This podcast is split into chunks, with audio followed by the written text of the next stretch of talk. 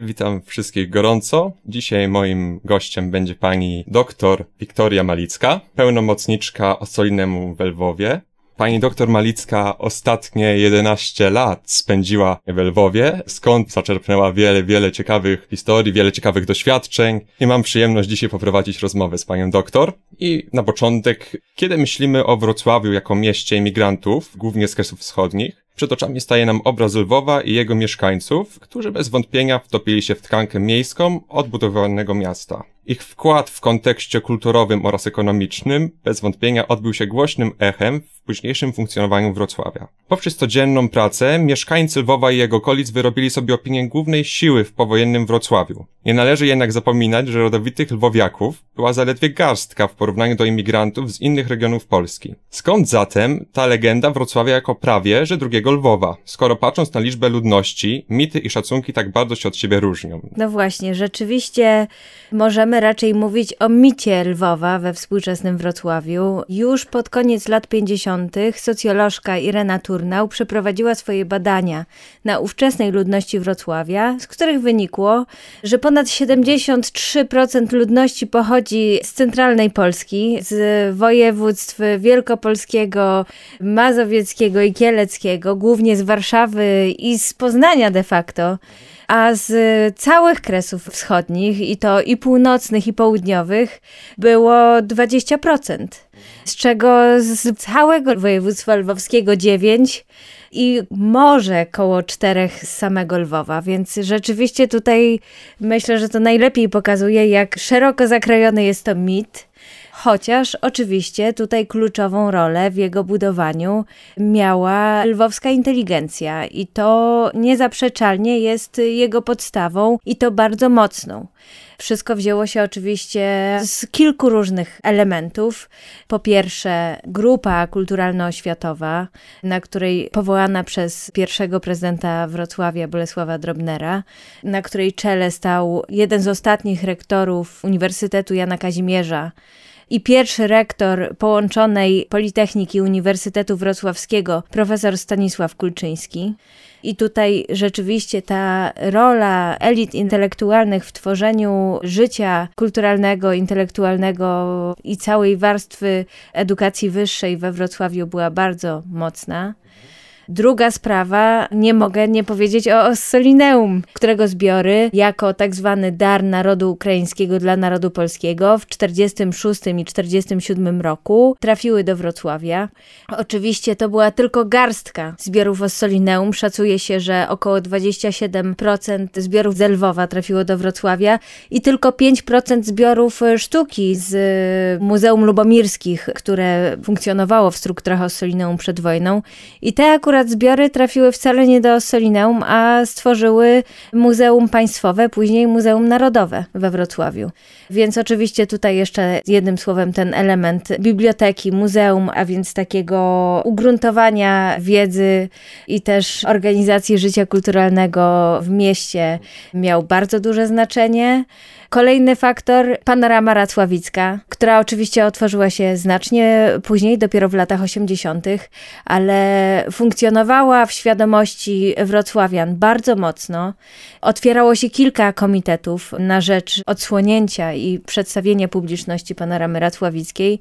Ostatecznie udało się to dopiero w latach 80., ale rzeczywiście to też jest bardzo mocny zastrzyk energii z Lwowa. Kolejnym elementem na pewno jest świadomość ciągłości intelektualnej właśnie z Lwowa, tej całej kadry uniwersyteckiej w kontekście upamiętnienia mordu profesorów lwowskich przez hitlerowców w 1941 roku na wzgórzach wuleckich. I tutaj rzeczywiście również kilka komitetów się otwierało. Komitety uczczenia pamięci lwowskich uczonych i rzeczywiście powstał ten pomnik dosyć szybko i to też też było bardzo ważne wydarzenie.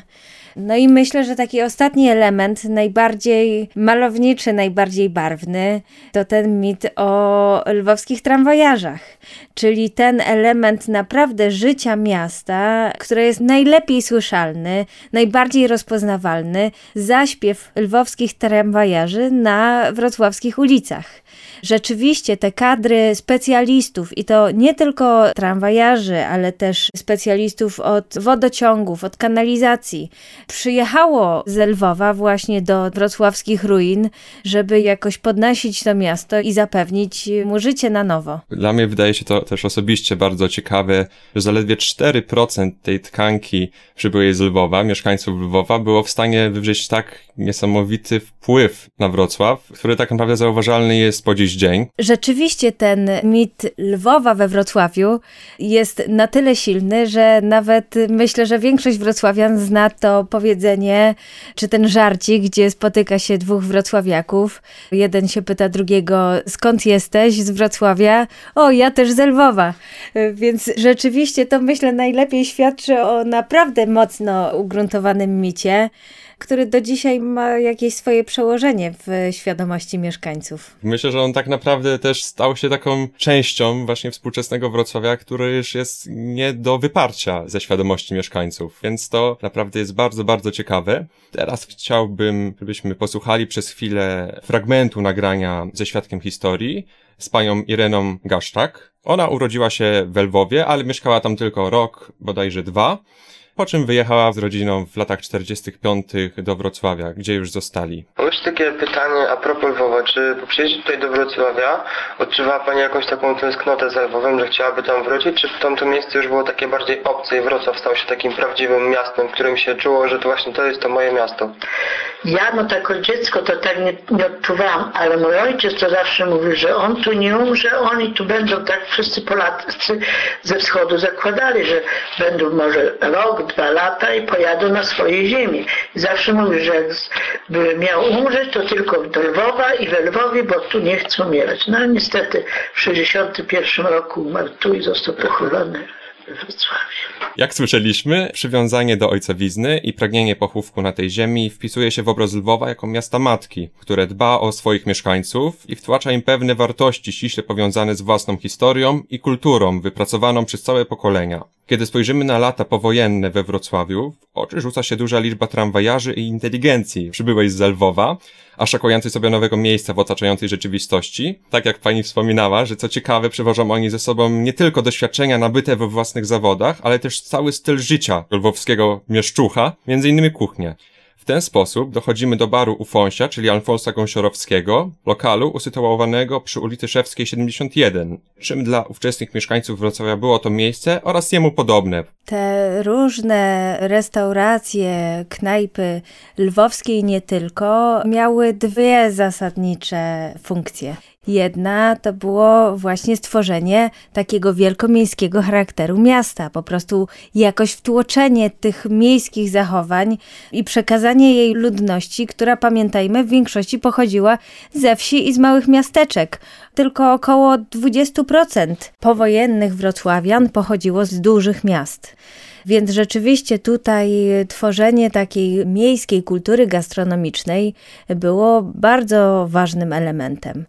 Druga kwestia to tworzenie klimatu nie tylko lwowskiego, ale takiego konglomeratu przedstawicieli różnych miast, którzy po wojnie trafili do Wrocławia. No bo oczywiście tutaj mamy ten element lwowski, który jest niezaprzeczalnie bardzo mocny. Poza knajpą Ufonsia, w której, jak pan wspominał, zbierała się lwowska inteligencja tuż po wojnie i to było takie miejsce dla nich, y, miejsce spotkań, bardzo nostalgiczne. Mhm, dokładnie ale poza tym w literaturze wyczytałam, że było kilka innych. Było lwowskie piekiełko, była kresowianka, była knajpa pod zabawnym szyldem Tajoj, wskazująca na ten lwowski bałak, ale też była na przykład gospoda warszawska, czy poznanianka, a więc miejsca, które wskazywały na te inne miasta, z których pochodzili nowi wrocławianie. I ten element miejskości, nadawania funkcji miejskich temu zupełnie zagruzowanemu, właściwie tej ruinie, a nie mieście, było naprawdę kluczowe i bardzo ważne. Tak naprawdę wszystkie te lokale, wszystkie te miejsca dały oddech ówczesnym mieszkańcom Wrocławia, pozwoliło im na chwilę takiego zapomnienia, zatracania się w przeszłości, też na takie przeanalizowanie przyszłości, tego jak na tych gruzach, tak jak pani powiedziała właśnie tego miasta, tak strasznie zniszczonego, można stworzyć miks tych wszystkich kultur, który stanie się czymś osobistym dla każdego z mieszkańców miasta, więc to jest bardzo piękne. Tak naprawdę Lwów i Wrocław to miasta odległe zarówno pod względem fizycznej miary długości, jak i tej kulturowej, wyrosły na zupełnie innych gruntach, w innych etapach historii. Nie przeszkodziło im to jednak w nawiązywaniu relacji silniejszej od zwykłych pisanych umów, relacji opartej na pamięci żywej tkanki Lwowa, przeniesionej do Wrocławia i tam dalej wzrastającej. Rzeczywiście mogę z pełnym przekonaniem potwierdzić, że Lwów i mit Lwowa we Wrocławiu jest bardzo silny. Jak już zostało wspomniane, mieszkałam przez ostatnie 11 lat, a sama pochodzę z Mazowsza, więc miałam porównanie, jak mieszkańcy innych miast Polski, w szczególności dwóch miast, z którymi jestem związana rodzinnie, Warszawy i Płocka i właśnie Wrocławia, reagują na Lwów. I tutaj niezaprzeczalnie we Wrocławiu te emocje są najsilniejsze i ten mit jest najmocniejszy. Warto jeszcze powiedzieć, że w drugą stronę, jeżeli przeanalizować zachowania współczesnych Lwowian w stosunku do Wrocławia, to nie jest to relacja równoległa. Współcześni lwowianie patrzą na Wrocław jako miasto sukcesu, w sensie bardzo dobrego brandingu, miasto turystyczne, któremu się udało, miasto destynację również do pracy oczywiście, ale tych takich ciepłych uczuć nostalgicznych z natury rzeczy tam nie ma. Szybciej może do Krakowa ze względu na wspólnotę historyczną w ramach jednego regionu, w ramach Austro-Węgier, czyli w ramach Galicji. Wydaje mi się, że mit Lwowa we Wrocławiu raczej się nie zmniejszy, ale jednocześnie też mamy szansę, że mit Wrocławia we Lwowie też będzie rósł właśnie ze względu na te nowe związki i relacje, które teraz y, zachodzą między naszymi miastami i które po zakończeniu pandemii, mam nadzieję, będą się rozwijać dalej. Dziękuję bardzo, dziękuję bardzo za miłą rozmowę. Ja również y bardzo dziękuję. Miejmy nadzieję, że będzie tak, jak pani mówi, że ta współpraca będzie dalej przynosić piękne owoce, że będzie się rozwijać. Teraz jesteśmy niestety w ciężkim okresie pandemii, ale kto wie, może wszystko ruszy szybciutko z kopyta, jak tylko się skończy ten trudny czas. Moim gościem była dzisiaj pani dr Wiktoria Malicka. Dziękujemy bardzo. Bardzo dziękuję.